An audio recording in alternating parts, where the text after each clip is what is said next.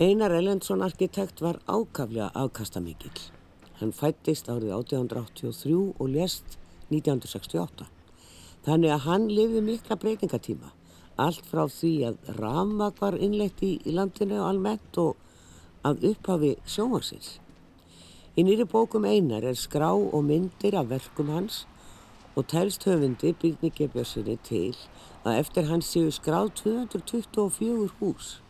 Allt frá litlum og stórum bárjáshúsum, steinsteipuklassík og funkishúsum, vítt og breytt um borgina. Við haldum áfram í höfundi bókarinnar á röldi um borgina og Pétur Ármannsson byggingalýstfræðingur kemur einni við sögum. En við byrjum á löfasveginu. Næst ætlum við að rölda hérna niður á Laufásveg. Þetta er nú svo fallegu staður í borginu. Það eru aðeins fáinni staðir sem er jafn gaman að ganga um eins og hérna öll holdinn. Hvort svo að fólk vil kalla þetta skólaverðarholt eða þingholt eða bara holdinn. Það var þinghús, reist einhvers staðan álagt skólastrætinu. Það er aðeins ofar fyrir, fyrir lifandslöku síðan sko. Þetta er svona heillegasta byggðinn. Svona allan Njálsgata og Grættiskata og þessi Kárastígur og þessar göttur, eld, eldstu göttur borgarinnar. Þessi litlu, þessi litlu íbúrhús, litlu timburhús, borðjársklætt, þeir vil bara kjallar í einn hæð og ris og svo eina teknaði mörg svona hús Já. og svo sér maður þegar maður fer að leita þau uppi að, að þau hafa breyst sko, þau, þau vaksa á dafna sko. Þau stækka með fjölskyldinni og bættu með efnahag. Já, já. Það er bætt við kvisti og svo er bætt við eingangi Já. og svo er kannski byggt, byggt stofa við endan og þetta er mjög algengt. Já. Þessi hús eru vaksa bara með, með fólkinu og standa enn og standa sig. Svo erum við að koma hér að einu sérstöku húsórum hans Einars sem að eru hér. Og þetta hús heitir Galtafell. Og ég hef nú komið þarna inn ókala falleg bygging Sérstök. með turni. Já, já, það er svona einu og halvu lofthæð í stofunni, já, rúm, heimitt rúmlega. rúmlega það held ég. Ringstígi upp og upp á þakki er lítið herbergi sem átt að vera stúdíu og vinniherbyggi Muggs sem var sonur Petur Storstenssonar sem let byggja, byggja sér þetta fína hús, Já. fína höll. Sjálfstæðisflokkurinn var hér um tíma Já. og, og Pétur náttúrulega misti þetta. Hann, hann misti alla sínar eigur, fór á hausinn og eins og margir var útgerða maður. Það kom sko krakkið mikla 1919 þegar bara síldabrasið sundi. Galtafell er hér á hotnin á Þingolstræti og Bragagötu, ég rugglaði um alltaf saman göttunum hérna, Braga og Baldurs. Þarna er laufás fyrir neðan sem fólk átti sig á staðsetningunni. Pétur Þorsteinsson byggir þetta, hann er faðir Muggs, það var allt gert fyrir Mugg. Nýlega bara var stór sýning um hans verk í listasafni Íslands og hann átti þetta turnherbyggi þarna uppi. Þegar Pétur fór á hausinn þá bara hrakaði heilsu Muggs því að þá voru einhver peningar allt í einu, Hættu peningarnir að koma sko. að koma. Svo er húsið núna og er búið að vera núna í nokkuð mörg ár í eigu Fjölskyldunni, fjölskyldu- já, Já, já. fjölskyldu. þarna inni stofan, þarna inni, það, sko, ma- maður áttar sig ekki á því sem maður stendur hérna úti að þessari lofthæð inn í stofu sem er ekkert mjög stór Nei. en hún er öruglega fjóri-fimm metrar já, lofthæðin. já. Já. Það sér þetta betur bara hérna úr brekkunni hérna. En svo er það þessi sturlu tallirnar sem að e, margir þekkja til svona af eldri kynnslóð. Hér var ekki stingandi strá náttúrulega, frekar en annar stær. Það er ofsalega mikið trákóður hérna í þingholtunum orðið eða holtunum. Einhver stærsti, hvað er ekki, hlinur sem að, Já, í, það, í borginni sem að hann það er einhver mert þarna, það stendur örglega eitthvað um það. Já. Svo er þetta stóra tré hér sem að er eiginlega bara alveg upp við húsið, tvö. Og garðarhlínur sem byrja plantað 1922, bara þegar húsin er- eru að byggja. Þetta voru skemmtileg saga þessum húsum og þessum bræðrum. Heilmikið verið sagt frá þeim, sko. Þeir voru, voru, voru sko, stóra ættaðir og, og, og, rí- og ríkir, ernaðir og voru í business og áttu hitt og þetta, lönd og jarðir og, skip og fyrirtæki og alls konar. Tóku þátt í ymsum, meðlega annars með einar ben síðan ákveðu þeir að byggja sér þeir áttu húsi hverfiskötu og það brann svo byggðu þeir Anna, já, Anna og þá voru þeir að bjarga móðu sín út um glugga, hýfa niður um einhverjum lögum og þau slitnuð og gamla konan datt niður og dó upp úr þessu. Já, Þannig að þeir eru að fara að byggja sér nýtt hús og þeir byrja á að byggja húsin sem eru austar þar sem að leikskólinn er, lögásborg. Laufásborg. Það er sko Laufásugur, hvað, 53 og 55, tvö húsnúmer og þetta eru tvö hús. En þeir voru byggð alveg saman. Annar var fjölskyldumadur og átti, átti lítil börn, hinn var einhleipingur og, og þegar börnin voru að gráta á nóttinni þá heyriði, heyriði einhleipingurinn í þeim og þetta var nú ekki nógu gott, það var svo hljóðbært. Já, Þannig að þá ákvaður að byggja bara tvö önnur hús já, hérna megin Já, og hafa bíl á milli og það það er einn metr á milli húsana. Og það er í Það er Reykjavík er hérna núna, já, já. En ég ætla að segja frá því að þetta- þessi tré sem eru upp við húsið, það eru tvö tré, alveg, sko, bara svona einn metra frá, eiginlega, hálfu metri hérna, annar allavega. Og hann sagði mér sonur þess sem að bjó í þessu húsi, Já. að, eða frænda síns, nú er ég ekki alveg viss með það, hann er nú látin, og að þetta var gróðursett svona nálagt húsinu til þess að fá öruglega skjól frá norðanáttinni. Af því að það trúði því enginn, hér var ekki stingandi strá þegar þetta var byggt. Og sjáum nú þennan hlinn og svo er hinn trén eiginlega bara verða, það þarf eiginlega að fara að höggva þau af því þau bara skikja á byrtuna inn í húsið. Þetta er algengt sko við þessi gamlu húsa menn hafa gróða sér tré mjög nálægt húsunum og, og svo er þetta of stórt og skíkir á byrtu og, og þú getur allir tekið mynda þessu, það er mjög erfitt að mynda þessi hús fyrir svona bók. En hvað er þetta með kastala? eh, Tak- takkana? Já, takkana. Já, ég er ekki viss um það, ég hef ekki síðan eina skýringu nema Nei. bara þetta hefur þótt fínt og nú sjáum við sko litla herbyggja smugs Já, upp á þakki. Svo er skemmtileg mynd í bókinni þar sem að þau sitja á, á tökkunum, muggur og, og konarnas já. þegar þau komið heimsótt til Íslands 1918. Svo bara árið síðar er, er þetta búið þér. Er búið að missa, selja húsið og Já, að það var ekki neitt um neina. og hann skil, en þau voru mjög Já. skamma stund saman. Eh, Það er eiginlega eitt hús eh, sem við verðum að skoða í viðbót og við skulum rölda nýra á fríkirkjuveg. Já.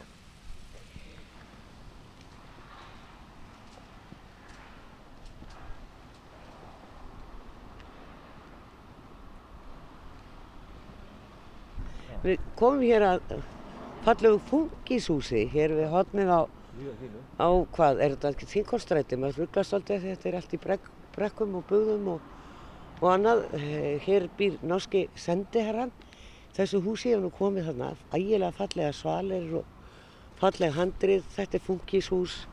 Það var svo merkilegt með hann einar sem að var í þessari klassík alltaf og svona skreikti svolítið húsin sín það eru þau nú aldrei alveg svo rjómakökur eins og hjá sumum. Þetta er hotna á fjólugötu og bragagötu. Og hann byrjar hérna setna á æfinni að, að snúa alveg við blaðinu fyrir að tekna fungishús sem að voru þá nýjasta nýtt. Já, hann bara verður, verður, verður að gera það svo sem sko að, að þessi stílar þeir, þeir hérna ganga sér til húðar og menn vera leiðir og, og svo verður menn spenntir fyrir því, því nýja og fungishúsin eru náttúrulega algjört undur þegar þú koma fyrst, þetta er bara algjörlega skröldlaust og, og, og, bara kassar með, með glöggum. Já, praktíst. Já, praktíst, byggt, byggt á þeirri hugmyndafræði að húsið á að þjóna því, því sem að, í, í því gerist sko og ekki hafa neitt auka fram yfir það. En Og kannski er það sérstaklega við fungishúsin það er þessir hotgluggar Já. þannig að það kemur bæði byrta Já, úr austri og söðri eða, eða söðri og norðri. Það sést líka á verkamannabústöðunum sem að einar teknar nú stærsta áfangan af því 1930 þegar Guð, meðan Guðjón er í veikindaleifi þá klárar einar stóra ferningin þar sem að garðurinn er Já. Inn á milli á ringbröðinni og þar eru þessi hotgluggar og, og, þessi svipur. Mjög, mjög hreint og einfalt sko. En samt er alltaf eitthvað pínu lítið útlitslega lagt örlítið við sem sem að gerir það en- ennþá svona á, ásjólegra sko. Já, það eru þessar svalir og Þetta tegnar hérna við fjólugutuna, tegnar einar. Já, og hann tegnar garðin líka. Það er uppdráttur á lóðinni, hvað tréni eiga að vera og blómabiðin og svona. Og það er engin tríð þarna alveg fyrir húsið. Alls ekki. Fjólugatan er nú skemmtileg gata og hérna. Já, og það er svolítið því það er, það sér maður að hvað þetta er að skipta. Hér eru bæði klassískar villur og, og svo eru líka funkishús, stór funkishús. Við, við, þessa götu, við þennan enda er þetta funkishús, Já. við hinn endan er fjólugata 3 Já. sem er sko 100 og eitthvað ára gammal timburhús, raut sem eina tekna líka og, og þannig séum við hvað, hvað þetta spannar vitt svið sko. Já, já, langan tíma, ég meina hann, hann eins og þú varst að hafa orð á að þá, þá deyr hann 68 sem er, e, já, tveimur árum eftir að, Ís- sem að Íslands sjóar hóf síningar, en e, þannig að hann lifi sko aldeilis tíman að tvenna. Já, glæsilega tröppur hérna inna, sendir á spústæðinu. Mjög flott. Hér er greinlega einn annar aðeins lengra, Skipulega þannig að það eru djúpir garðar, já, göttum megin, norðan megin við göttuna, en, en hinnum megin standa húsin við göttu og, og, garðurinn í söður. já, já, þessi garðar fyrir framann, þeir eru náttúrulega í suður. En er þetta ekki eina gatan sem heitir fjólugata hérna megin og Sólíðagata. Sóleyjargata þarna megin? já. já, það eru mörg hús sem við, við Sólíðagötu, þau eru með ingangin á fjólugötu. já. Af því að það er umferðagata, en ég Já. finn nú, er þetta sænska sendiráði hér? Sveið mér það. Hér eru sænskir fánar allavegna við hún. Sko þetta, er hér við erum að horfa á hérna bæði funkishús og svo annað svona bara klassist hús hérna sem að er við Stóliðagötu en er, ingangurinn er hérna með, fjólugötu megin. Sjólega gata 7 Já, og við erum á fjólugötu. já, nokkalega. Þetta eru glæsi byggingar hérna. Stór hús, falleg hús. Hljóðlösi bílar. Það eina sem heyrist hér á umferð eru flugvélar. Enda löst. Nú veit okkur að losnaði það. Já, enga þótturnar, burt með hyrlurnar og svona. þetta er náttúrulega mikil háaðamengun stundum. Jæja, Björn, nú komum við að Rauðahúsinu, Já. hérna út á hodni. Þetta Rauðahús hérna á hodninu, ég veit hver á þetta hús, ég held að neyja það ennþá. Það er hollendingur sem að keipta þetta hér fyrir svona 25-30 árum. Var mikið á Íslandi þá en hann hefur nú ekki sérst lengi. Allavega hefur enginn talað um það. Kom oft hérna til Íslands. Þetta er greinlega verið að taka Það er eitthvað verið að gera. eina þar að, laga hana og svona þannig er eitthvað tré sem flettast í gegnum vinnupallana. Þau höfðu út um allt. já. Ná, Og garðurinn algjörði órægt. Já, Algjörlega. já. Þetta hús þar, þarnast nýja nýjus eiganda bara með, með, hérna, með, með buddu og góða smekk. Þetta er flott hús. Flott hús. Fjólugata 3. Þetta eru grónar götur og trén geysi stór og þetta er náttúrulega drauma svona hluti af borginni.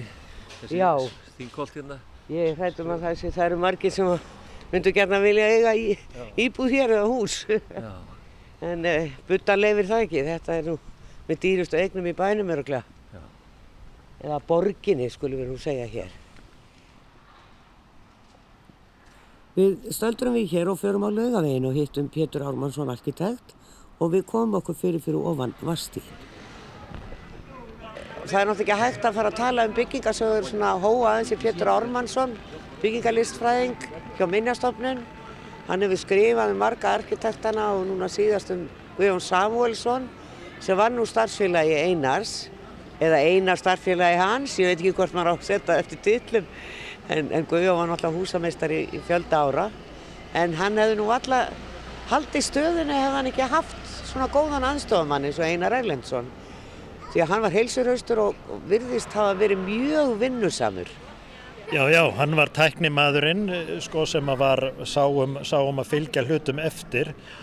Guðjón var kannski þessi, þessi listræni stjórnandi sem dró upp megin línur og mótaði stefnuna og, og syndi þessum stærri og floknari verkefnum en, en það er alveg vist að mörg af svona minni verkefnum sem að voru á borði embættis húsamestara eins og til dæmis margar steiftar kirkjur við át um land og skólahús og annað. Ég hugsa Einar hafi nú bara megninu til teiknað þessi hús þó að Guðjón hafi náttúrulega eins og alltaf undirreita teknikuna. En Guðjón var oft fjarrri skrifstofunni, þetta er voru náttúrulega í byrjun bara tveir að vinna saman og um, þegar að Guðjón var Samuelsson var, var ráðinn hús, skipaður húsamestari 1920 hann gefið sér strax grein fyrir því að hann geti engan veginn annað þessu ennbætti einn Nei. þannig að hann eh, leitaði til einars um það að verða aðstofamaður sinn og það gekk nú í stóð nú í stappi í 2-3 ára að fá, fá Pening. fjárveitingu Já, fyrir já. vinnu einars einar þurfti, einar var þá á þeim tíma byggingafulltrú í Reykjavík þetta var svona krepputími þarna eftir fyrra stríð og lítið að gera í húsatekningum þannig að Einar var þarna í launuðu starfi og hann þurfti að gefa það frá sér til að geta farið að vinna fyrir húsamestara en svo stóð í stappi að fá greiðslu fyrir hans vinnu en það lagaðist nú fljótt og þeir unnu, unnu saman þarna fyrir part eh, þriðja áratugarins voru þeir eiginlega bara tveir svo fóru aðeins að fjölga aðstofamönnum en Einar hann var alla tíð um, nánasti samstagsmaður Guðjón sem svo má segja og, og sá sem að gengdi embætti hans í, í fjárvistum vegna ferðalag og veikinda. Við erum búin að koma okkur fyrir hér við hotna á Vasti og Laugavegi og það eru eh, þrjú, svona, þrjár merkarbyggingar eftir einar hérna. Niður á Vastignum hér e, vestanmegin er stórt og mikið hús sem að margir muna kannski eftir að Níló eða Nýlistasafnið var þarna lengi vel á einni hæðinni eftir að Níló flutt úr bakhúsinu. Glæsilegt hús og svona fallegt borgarhús. Já, þessi bygging va- við Vastíg er, er hérna tí, mörguleiti tímamóta hús þetta er uh, og eina, eitt af örfáum svona glæsilegum yðnaðarhúsum frá fyrri tíð byggt 1919 og hús sem var með steinstiftum loftum. Það var Jónatan Þorstinsson sem byggði þetta hús, hann var með, með, með, með annars bílainflutning og Einar Ellensson teiknar þetta, þetta glæsilega hús. En á þeim tíma þá stóð stórt timburhús hérna á hotninu sem að svo brann. Og eh, 1928 eða 9 þá fær Einar þetta verkefni að teikna hús hérna, stórhísi, glæsilegt verslunarhús hérna á hotninu eh, sem að Martin Einarsson kaupmaður byggði.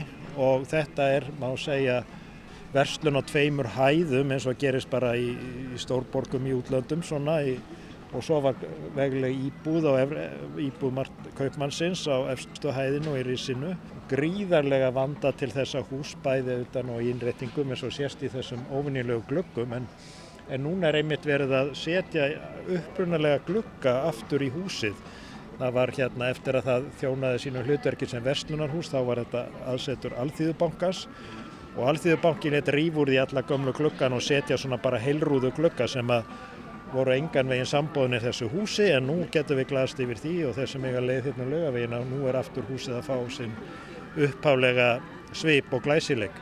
Þetta var kirkjuhúsi núna síðast en það er verið að gera við það allt og við sjáum alltaf í það fyrir stillensum og, og, og svona neti yfir stillensana Eh, en það sést það að búið að skipta um glugga og þetta er allt annað að sjá þetta en hefur ykkur að hugmynd um hvaða hlutverki þetta hús á að þjóna núna? Nei, ég satt að segja ekki Nei. en, en hérna það er nú eðli svona húsa breytum, breytum notkun og hlutverk en, og, og hérna þarna var einhver eigandi, nýr eigandi reyður búin að leggja þessa Já. miklu, töluvert mikla kostnað við að laga gluggan í húsinu þannig að við maður trúir því að hann muni umgangast þetta hús af, af, af mikilli virðingu og, og sína því sóma eins og hann þegar, hefur þegar gert. En Einar Ellensson var einmitt sko, í, eins og, eins og hefur nú Ellens komið fram, sko, hann vann, hann vann þetta, op, þessi opinberu störf fyrir húsamestara ríkisins en, en það var ekki hans fulla starf eða svo má segja því að hann hafði allavega tíma til þess að teikna fjölda, fjölda bygginga á langri starfsæfi Já. og þá má segja að hans helstu viðskiptamenn það voru svona aðtapnamenn og efnamenn hérna í, í, í Reykjavík. Hann er kannski á eftir Guðjóni Samúlsinni þá var hann kannski meistari þessa tímabil sem við köllum steinsteipu klassík. Það er hérna áratugurinn frá milli 1920 og 30 þegar það voru, voru uppgangstímar og þá var að mótast þetta fyrsta skipulega Reykjavík og sem Guðjón Samúlsson og, og átti mestan þátt í að, að leggja línutna með. Og þá sáum við fyrir sér að Reykjavík erði gamla, gamlu göturnar hérna með timburhúsunum erði raun og veru endur byggðar með nýjum glæsilegum steinhúsum að erlendri fyrirmynd. En í svona hóflegum mælikvarða og það má eiginlega segja það sem að kannski, mér finnst svo kannski allra merkast með framlega Einars Ellenssonar er, eru þessi hús sem hann í rauninni teiknar inn í ramma þessa nýja skipulags. Og við sjáum hérna og hann teiknaði verslunarhús neða við bankastrætið náttúrulega gamla bíó sem er stórkvöldi Sólon já, já. og svo þessi hús hérna við, Já. við, við, ofar við laugaveg og þetta, þessi hús standa á hotnum, gefa eins og línuna um það hvernig þessi, ef að nú hugmyndi frá, 19, frá þriðja áratögnum um, um steinsteipu klassíska Reykjavík hefði nú öllu leiti gengið eftir og ekki komið til funksionalismi og kreppa þá hefði nú kannski verið fleiri svona hús en þá varum við kannski líka búin að tapa timburhúsunum sem að eru Hafa sinn sjarma líka. hafa sem sjarm og eru alveg ómissandi hluti Já. þannig að það er þessi laugavörn er þessi blanda húsum frá ólíkum tímabilum mörgum finnst þetta að vera vandamál en ég held að þetta sé bara eitt af enginu Reykjavíkur og við vorum bara að lifa með því að þetta er ákveðin fjölbreytni og, og, og svona er bara borgin. Já, hefur sinn sjarma. Hér sem sagt á móti, það var kallað kirkjuhúsið, ég veit ekki hvað bara kallað laugaveg, þetta er náttúrulega ekki lengur kirkjuhúsið, er verið að byggja og gera upp hús, það er verið að gera upp hér þrjú gömul hús. Og e, neða við er e, frækt hús í borginni sem er steinsteift bara í gegn, þakið og allt. Og það er ekki einn einasti gluggi á bakliðinni sem ég sá þegar ég fór inn í portið.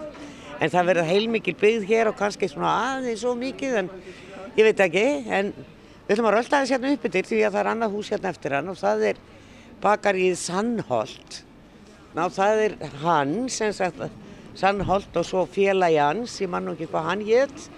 Þeir byggja þetta hús og eru strax með bakari held ég í húsinu, er það ekki rétt hjá mér?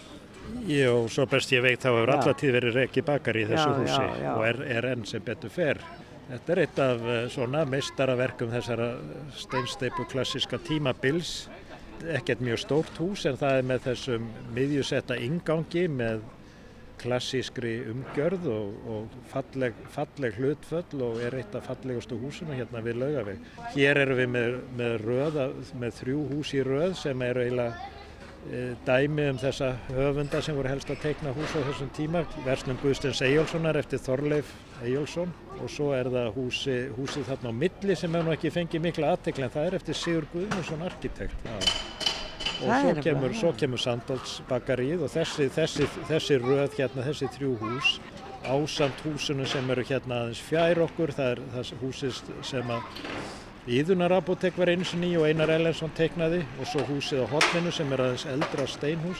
Þetta er einn ein, ein svona fínasta röðin hérna við laugaveg frá þessu steinsteipu klassíska tímabili. Þarna við eiginlega næri næstum því við hotni á frakkastíg erum við að tala um Rosso Pomodoro eins og fólk kannski þekkir það í dag, ítalsku veitingastæður. En, en það brann náttúrulega hús þarna á milli og það var byggt nýtt hús sem að fellur svo sem alveg inn í lengjuna. Já, það var byggt, það brann þarna helmingur á húsið en helmingur af, af timburhúsinu slapp og það stendur hérna inn á milli, já. Já, já. Og komið nýtt hús og, og, og það var líka urðu skemmtir á lögum við í 40 þar að segja það sem Íðunar apotek var. Og það má geta þess að innréttingin í apotekinu hún var mjög glæsileg en uh, hún er ekki lengur þar. Nei, hún er út á nesi. Hún er í liv, livja, livjasögusafninu á Já. Seldjarnanesi og þar getur fólk komið og skoðað hana. En ég var nú að hugsa um það betur þegar nú að fjalla um þennan merka arkitekt að, að eftir hundrað ár heldur að verði gengið um hafnatorkið og, og höfðatorkið og hverfisköttun af nýbyggingar þar og, og það verði ykkur áhugi á arkitektur já, þessa áratöðar á 21. öldinni. Já, alveg öruglega. Já, Ég held það, ég meina það er bara, húsin eru vitnisspörður um þá kynslu sem að resti þau og, og hérna það hafa allar kynsluðir sem sagt tækifæri til að setja sitt svip á borgina, þannig er þannig þróast hún og eðlilegan hátt og yfirleitt er það nú eðli svona bygginga, þær eru mjög umdeldar í byrjun en síðan venst fólki þeim og, og, og, og verður svona smá saman umburðalindara. Við getum nú tekið sem dæmi tollstöðina, hún þótti nú vera svolítið framandi bygging og stór á sínu tíma en nú er hún, eh, nú meta menn hana meira verleikum. Það er nefnilega, en það er kannski líka vegna þess að það er, það er búið að laga umhverfi húsins og það allt í einu ferða að njóta sína. Það er ekki bílastæði meðfram öllu húsinu og, og einhvern veginn listaverk gerðar Helgadóttur var einhvern veginn ekki í sjónmáli þarna þegar bílastæði var hana. Nei, nei, það er alveg rétt. Þannig að það muna miklu þegar húsin fá svona að standa og, og njóta sín. Já, ég veit ekki, það verður bara frá, það, við munum sjálfsagt ekki lifa það að heyra hvað, hvernig skoðan þetta breytast en, en ég minna menn hafa verið að, menn hafa verið að meta meira en áður hérna margt af því sem var gert hérna á setnilut alda, síðustu aldar. Við verðum að nefna, af því við erum nú að tala um einar, nýri Hafnastræti á hann líka byggingar, Edenborgarhúsið eins og hétt, og, og, og landsbankin síðan komin inn í það hús eins og flest þarna niður frá. E, þetta eru allt saman byggingar sem hefur eftir að, að tæmast þegar bankin flyttur yfir í nýtt húsnæði. Þannig að það er gríðalegt rýmið þarna niður í, í gamla miðbænum í Reykjavík í Kvosinni sem að verður spennand að sjá hvað verður úr, bæði gamli landsbankin og annað. En það, Edinborgarhúsi var, myndi ég nú segja, var bara hreinlega eðilagt. Já, já, það var, það var mjög skrautlegt hús á sínu tíma. Það var sem sagt búið að aukstinga það eins og gert var hérna við kirkjuhúsið eða, eða Alþýðubankan. Og svo var bætt við hæðón á það, byggð svona gler, glerhæðón á það. Og þá var fjarlagt svona skrautbrík með, með fjallkonumind sem var þarna efst ofan á því. Já, og svona súlur sem að lágu, svona flatsúlur. Flatsúlur, já. Já, framan á því. Þannig að það var, já, já, það var eiginlega svona skafið af því svona skreitið en, en þetta er nú allt hægt að endurheimta vissu marki, telja nú ef, ef áhugir á því. Já. En það er á náttúrulega alveg eftir að koma í ljós hvað verður um, um byggingar samstæðu landsbankans, það er náttúrulega stórmál, landsbankin gamli er eiginlega alfriðuð bygging og gríðarlega mikilvæg bygging í okkar listasögu og byggingarlistasögu og bæði með þessari bæði, bæði byggingu Jóns er svo náttúrulega þessi umdelda viðbygging sem að frá eftir Gunnar Haldásson sem að líka hefur sitt sögulega gildi þannig að Já. það verður ekki einfalt að ráða fram úr því hvað mann gera við þá byggingu. Svo má minnast á þessum að húsiðinu gerna kallað er rammagerðin en er hótel í dag og var endur byggt í rauninni og, og svona hodninu aðeins breyst sem er bara mjög smekklegt þannig að það er svona straujáshotn, rúnand straujáshotn. Já, það hús var í rauninni bara brotið niður og endur steift nokkur með eini sömu mynd. Það voru mann bara endur byggðið gamla Einar Ellensson. En svo má náttúrulega ekki gleyma einu þekktari húsum Einar sem er e, mjölkufélagshúsi, hús mjölkufélags Reykjavíkur sem er íla náttúrulega sé ekki Hafnastræti 5, það sem sagt nær á milli Hafnastrætis og Tryggvagötu já, stóra já. gráa. Já, já, já, já. Það var eitt af, vegna þess að sko mjölkufélag Reykjavíku var eitt af helstu viðskiptamönnum Einars Ellenssonar. Hann teiknaði mjölkustöðuninn við Snorrabraut og síðan hús mjölkufélagsins inn við, við Laugaveg, ekki, ekki mjölkustöðuna heldur húsið það sem, að, sem er eiginlega áfast víðishúsinu þar sem skatturinn er já, já, verið. Já, Þetta var eitt af, eitt af mörgum viðskiptavinum svona þar sem hann fekk fleiri en eitt verkefni. Við standum hér við hotna á Klappastíg og, og ætlum að rölda hérna upp úr og e, tala um hús sem er þar á hotninu á Klappastíg og skólaverðustíg eiginlega. Stór bygging og hefur hýst ímislegt á leðinni þarna er núna veitingarstaði sem heitir Kruatæ og, og svo er held ég einhver vestlun hérna, njálskötumegin. Þetta næri alveg á milli njálskötu og skólaverðustígs en svona á leiðinni Pétur þá er líka svolítið merkilt að hann virðist, það er ekki eins og hann sé hann er eiginlega ekki beint frumkvöðl í, einu neinu, það er freka Guðjón sem er hægt að tala um það að hann hafi verið meiri svona frumkvöðl og meiri listamæður en, en hann er samt alltaf einhvern veginn með putan á pólsinum og hann nær á þessari löngu starfsæfi sem að var byggt alveg ótrúlega mægt eftir hann að bara byggja eftir, já, þá maður að segja tískuströmmum eða þess sem er að gerast í, í byggingalistinni? Já, ég held að þetta sé nokkur rétt lýsing hjá þér. Sko, þetta er, en ferill hans er alveg stór merkilegur. Hann, hann lifir, hann er starfandi húsateiknari í meirinn halva öld og hann upplifir alveg ótrúlega breytingar. Hann, hann er sem sagt, uh, hann er í rauninni smiður á upplægi.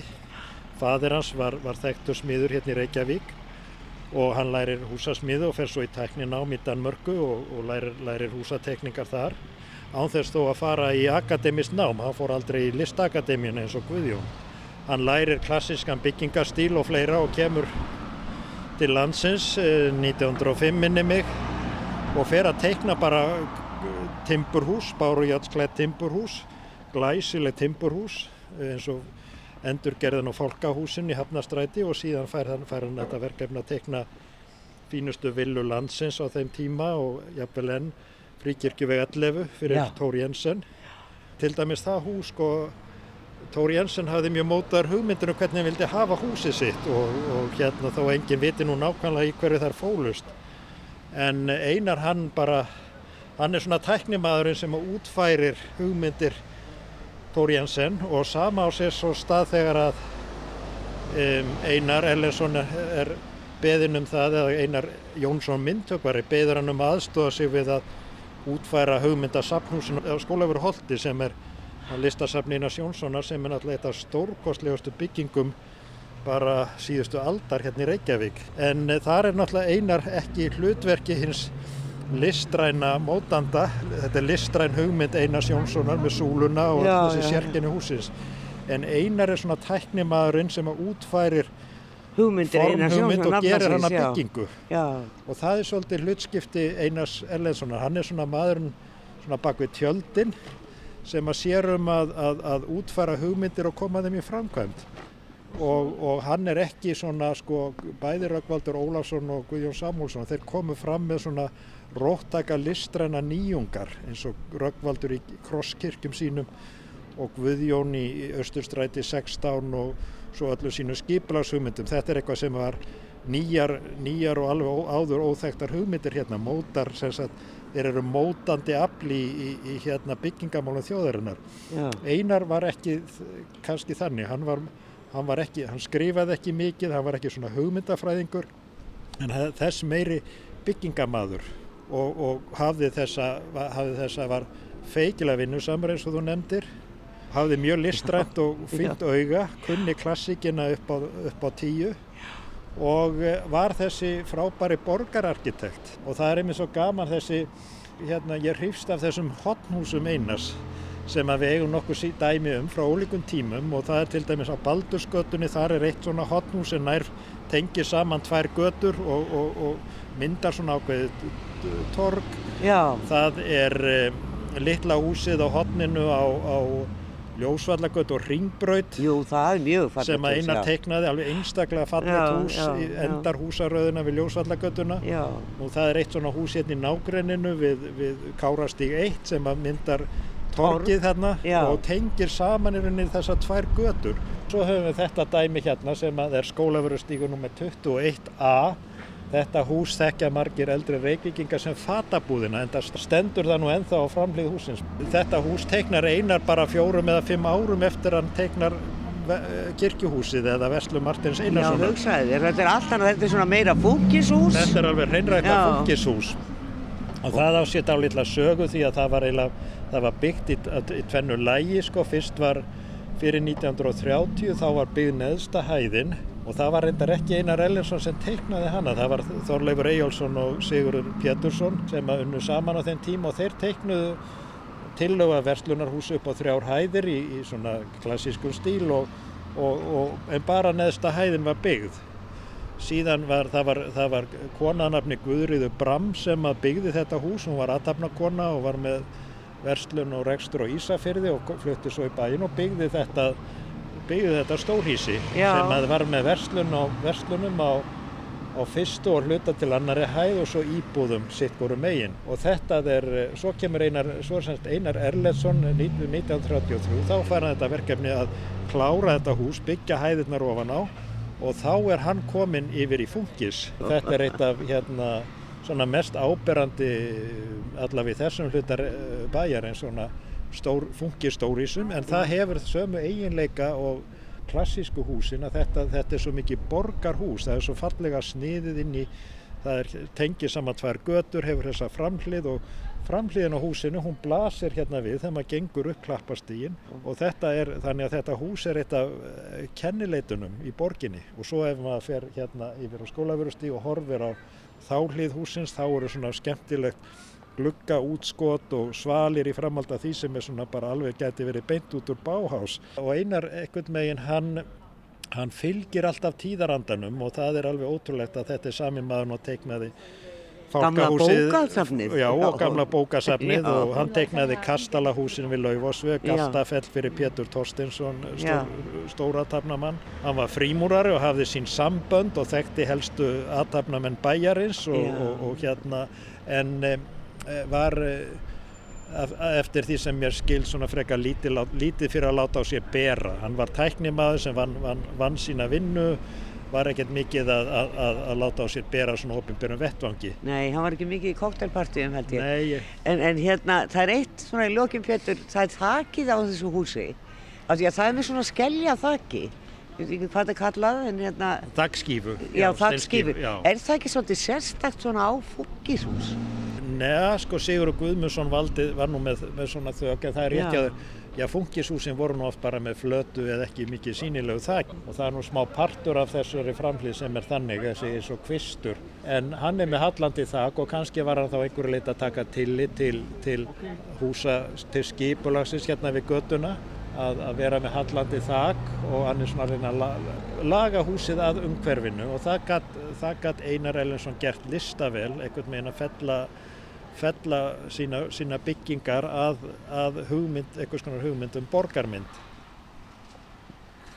Sagði Pétur Ármannsson byggingalistfræðingur um Einar Erlendsson og við tökum síðasta spölin með höfundu bókarinnar, húsameistari í hálfa öld og við erum stödd á fjólugötu. Við erum hérna að koma út af skotúsvegi. Maður, verður svolítið áttaviltur þegar maður er ekki alltaf að ganga hérna. Vítu við? Ég er á, á, bak- á fyrir aftan húsi Sólíðagötu 1 Já. sem fósitt Íslands hefur sína skrifstofu. Jú, jú. Þetta teknaði Röggvaldur á sínum tíma. Já. Þetta stað- Staðarstaður. Staðastaður.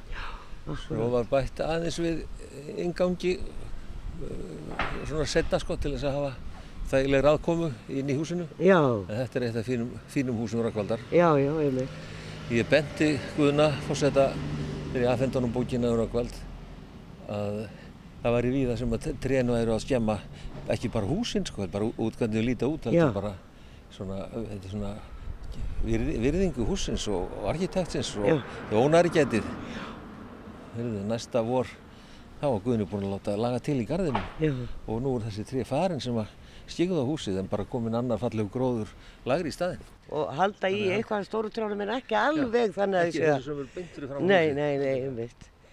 Við erum að koma hér að skotúsvegi sem að e, liggur hér upp á holdið og svo hinum veginn út að vesturettir er hann. Endar, já, endar upp við Suðugötu og hérna hér komum við inn örgulega glæsilegasta húsi þessa tíma. Þegar þessir ungu menn Guðjón og Einar Guðjón Samuels, Einar Erlends og Röggvaldur Ólaf sem að dónu alltaf ungur eh, eru að svona stíga sín fyrstu spór og hafa öll þessi tækifæri að tekna og hanna svona glæsilega byggingar.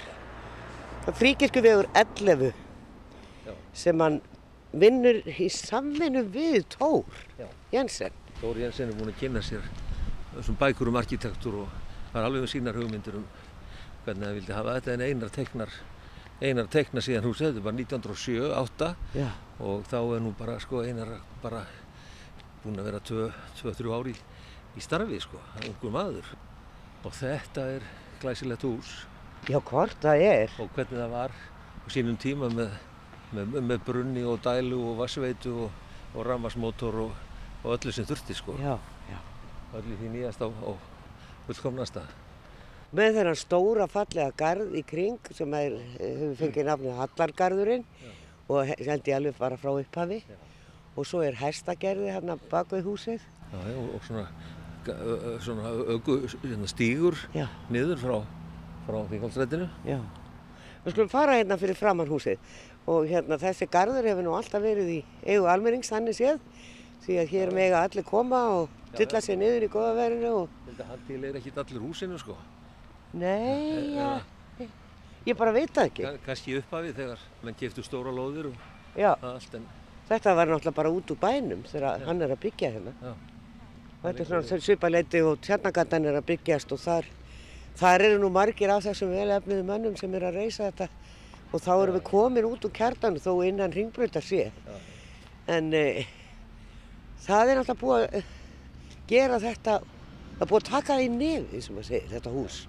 Algjörlega, það var mjög, orðið mjög slítið, bara nótkun.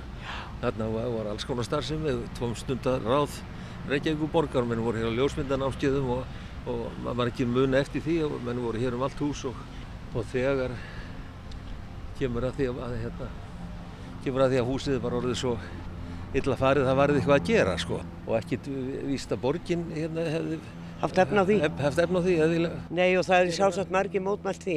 Já, er svona með að við hvað kostaði að gera upp eitt bragga þá já, kostaði þetta nú svolítið meira en sá sem á húsið er Björgólu Tór, afabarn það ekki, eða Jú, langafa langafabatn. Sko kjallarinn hérna, það eru fyrstu böllin sem ég fór á, það var hér í kjallaranum, Já, æskulís, æskulís ráð og þarna voru, voru hljómsveitir að spila á daginn fyrir okkur úlingana og þarna hljóp maður um allt þetta hús og mátti vera allstaður og ganga allavega um. Já. Ketill Larsen var hér aðalmaður húsverður og passaði svona upp á að við væri nú ekki alveg að kveiki í kofanum. leikari og, Já. og jólasveinn og trúður og- Já, já. Hann var hér og síðan voru skrifstofurnar alltaf fyrir Íþrótt og tómstöttaráð og bara einu, tveimu mánuðum áður en að húsið var, áður en Björgólfur keifti húsið að þá sagði einn af starfsmönnum eh, Íþrótt og tómstöttaráð að borgin myndi aldrei selja þetta hús. Svo var bara búið að kaupa það.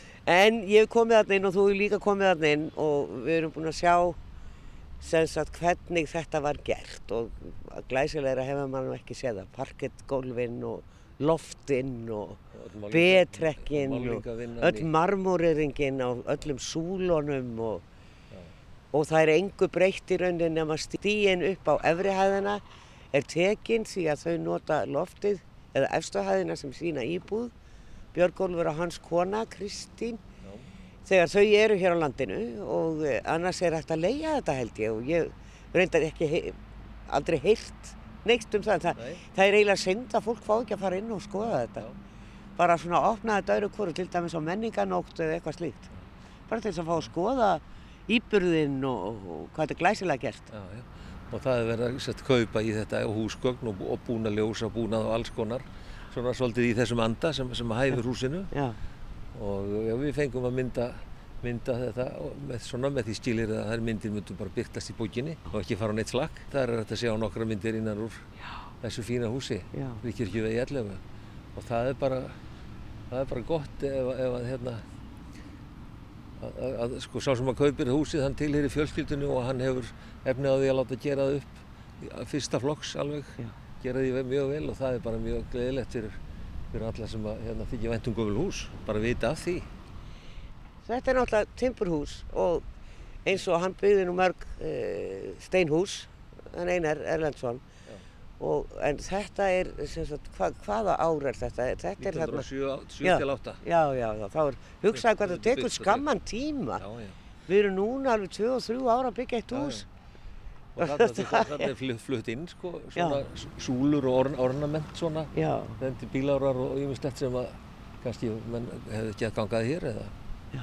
flutt frá, frá Danmörku og, og þeir semst, já, einar teiknar þetta fyrir hann Já. svona svolítið eftir hans hugmyndum akkurat. Þetta er nú með glæsilegustu sko, húsum þessa timburhúsa tímabils. Þegar einar kemur 1905, Já, þetta er nú bara 1907 sem hann teiknaði þetta. Svo teiknaði hann fálkahúsið í Hafnastræti sem var með vikingaskipin upp á þakki og fálkonum og þetta eru hús sem setja mikið svip á, á bæ. borginni, Jésús minn, já. En svo teiknar hann kannski 20 timburhús, 20-25 timburhús í allt sko. Svo er það bara búið og steipan tekur við. og eitt af þeim húsum er safn Einars Jónssonar upp á Skólaverðarholti. Það sem að Einar var búinn að ræða við Guðjón Samuelsson en leist ekki á hans hugmyndir, það var allt og lítið fannst honum.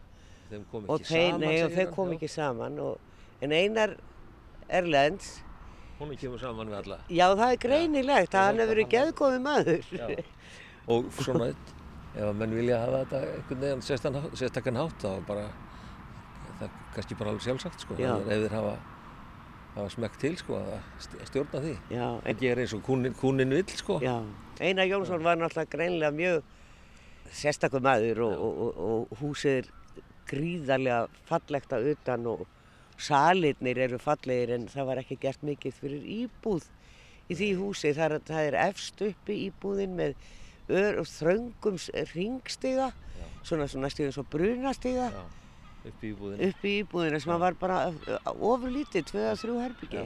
Það er óskaplega falleg. Ofsalega Allir innréttað og all, all húsgögn og allt er svakalega flott. sko. En eldhúsið var niðri. Ég öfund ekki húsmaðurinn á þessu heimili að bera upp bakka með mat upp í stofunar uppi en hérna það hefur verið erfitt. Það er magnað hús sko, alveg magnað Já, hús, alveg magnað. Hann er ekki, það þekktur Einar Erlendsson að, að ég svo sé margir sem, nú teknaði hann það, ha, gerði hann það, eins og Já, hér. Fríkirkjuvegin, Já, Nýtbjörg upp á skólavegaholti, Borgarbókasafnið, bara eh, fullt, fullt af byggingum sem að, gamla bíó. já, gamla bíó og húsmálarans og, og kvennaskólan. Já, já.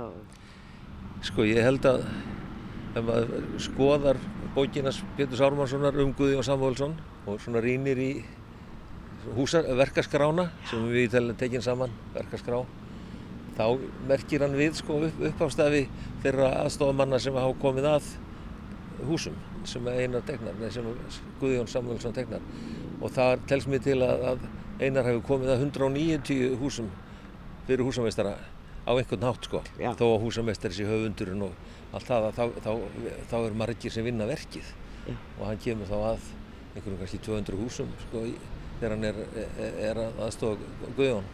Fyrir utan svo það sem hann tekna sjálfur sko. Og þetta, e, þetta leggst nú allt saman þá er, er þetta nálgast 500 hús. Já, hugsaði þér. þeir tekna sko einhverja 80 barnaskóla hann og Rokkvaldur þegar frestulögin koma út um all land. Og það stóð í 10 ár svo törn sko þar á með hérna kennaraskólin Gamli hérna, Já, kennaraskóli, já. já. og skólar út um allt sko. Já, Þetta er mikið lífsverk sko hjá einari og, og fáir sem, eins og segir, fáir sem að vi- vita, þekkja húsin auðan, kannast við húsin en vita ekki hver teknaði. Og það var svona minn, minn, metnaður að ég reyðist í það að fara að skrifa þessa bók að bara leiða svolítið fram bara hans lífstarf, hvað, hvað gerði þessi maður. Og það hófst aðalegi því að hann á sér í, í skráningu yfir, yfir, yfir húsin og skoða tekníkar í þjóðskjálasafni og svo bara ganga um bæinn með myndavélina og finna húsin og og væri búið að rífa þau, væri búið að breyta þeim, verið enn á sama stað og þetta tók mig fjögur ár að rölda um bæinn og taka myndir af, af, af húsunum hans og ég tek eiginlega myndir af öllum húsum í bókinni nema þeim sem eru gamlar og sóttar á safn sko. En hann gerði þetta, náttúrulega þegar hann er aðstofamæður, þannig að þá er hann líka að gera, hann er að ge- búa til útboð og hann er að, senda reikninga og, Já, er, já, og, og stjórna eh, Já. framkvæmdum og öllu mögulegu. og hann, hann er gjaldkeri gjaldkeri og- og, og sér um reikninga og bókald og, og, og magna reikninga, útbóð og, og alls konar svona fyrir utan, utan það aðstofa við húsagerðina sko. En svo náttúrulega er hann með sína teknistofu í skólastræti eins og við komum að og þar, þar, þar situr hann og tegnar og, og vinnur mikið og, vinnur hratt og, og sko, mjög vinnusamur og hraustur og er alltaf að og uh, Ég les út úr þessu eftir því sem að sko afkomendar hans hafa sagt mér að hann hafi teiknað það sem hann teiknar fyrir húsumveistarembætti, það teiknar allt heima hjá sig, hann teiknar allt heima á sinni stofu. Því að hún saði mér hún, Sigga, Sigga Maria sem er minn aðal heimildamöður um, um einar afa sinn, að hann var alltaf að senda möm, möm, mömmu þeirra stelpnana til húsameistara með upprúlega teikningar fyrir, Guðjón að skrifa upp á. Þá var hann að teikna vinna heima en, svo var hann með það til hans að hann skrifar upp á. já, Þannig að hann hefur teiknað þetta heima þar sem hann Já. teiknar fyrir embætti því það þeir voru tveir í einu herbergi í árum saman. já, nákvæmlega enduði svo reyndar í uh, Arnarkvóli, Já, upp á, já, bak við þarna Arnarhólinn og, já. Og, og það er húsum að Guðjón teknar og þeir eru þar með hotskrifstofi loksins konir í almennilegt pláss já. og uh, við bætist einn eh, arkitekt Bárður Ísleifsson að eftir síðar. 15 ár. Já, 15 ár. Og svo svona aðeins einn, einn og einn sko og sumi, kom og fara og, en þetta er aldrei margir menn sko. Nei. Nei. En verkefnin ofbóðsleg eins og, og háskólinn, þjóðlíkúsið og, og bara, þetta nefnaði bara alla kirkjurnar, allt sem hann tegnar, allgrim kirkju tók ára tugi sumt að þessu og uh, það koma ma- margar hendur svo sem að því skilur einhvers staðar á ferlinu. Eh, kannski svona rétt í lokin, hann eh, er búið að ræða svo mikið um hérna, starfsaldur, umbera starfsmanna, Já, hvort þeir eiga að fá að vinna lengur eftir sjötugt. Hann er náttúrulega tekur við þessari stöðu af Guðjóni Samúlsinni sem er veikist og deyr bara og næri ekki eins og vera við setningu þjóðlíkusins. Daginn eftir er einar sko settur sem húsamestar ríkisins og, og þá vorum við ekki sem mótmæltu því, hann væri hann svo gamall og væri fullt af ungum mönnum sem getur tekið þetta. En hann gegnir þessu bara í fjögur ár, þá verður hann 70 og þá verður hann að hætta, samkvæmt reglum um starfsaldur ofnverða embættismanna. Og hann var hundfúll yfir því, hann hefði viljað vinna mikið lengur og hann lifir í 14 ár eftir þetta við góða hilsu, en þá hætti hann bara að tekna það. Já, það er nefnilega, hvað var þann svona, svona mikið fúll? Já, ég held að hann hafi verið að fara illa í hann sko. Og uh, svo hún var að segja mig það Sigga, að, að það voru menn að koma og beða hann að tekna og það sem bara, ég er hættur. Og hvað fór hann að gera? Jú, hann fór að safna frímerkjum. Samskiptum við menn út um allan heim. Röldi niður í pósthús hverjum degi gá í pósthóluð sitt og ná í póst og fara með póst. Þá var hann að skipta á frímerkjum og, og í- var bara í þessu hobbyi sínu bara í tíu árið eitthvað, sko, Já, eða meira, sko. Þannig að hann var orðin gamall, sko. Þetta er svona gert grína þessu þegar Já. menn segja þeir að fara á eftirlaun. Já. Hvað ætlar að fara að gera? Já. Safna frímerkjum? Já. Já, já. Hann gerði það. Já. Hann gerir það. Já. Hann teiknar örfáhús eftir 1950 þegar hann tekur við ennbættinu. Örfáhús. Og það eru þá bara, heimili. Já, já, bara í, í böðrús. Bara hérna upp á, upp á bara í Nóatúni og, og, og Líðanum sko. Svona. Akkurat. Þannig að hann er, hann bara retired eins og segja. Hann bara settist í Helgan Stein sko. Og, og bara naut sín bara fjölskyldunni í kringum sig. Dóttir hans bjó, bjó í húsinu áfram sko með sinn mann og sín, sín börn, þrjú. Og sá, sá svona svolítið um hann sko. En sonur þeirra hins vegar hann flutt, flutti snemma burt með sína fjölskyldu og bjó annar staðar. Þannig að hann er umkringdur sko fjölskyldunni sinni all, alla tíð sko Nákvæmlega. í þessu húsi, bakhúsi. Í skólastræti 5 B. Já, er það ekki. Og þar með kveðum við Björn G. Björnsson og umfjöllun um bók hans um Einar E. Erlendsson, arkitekt. Verðið sæl.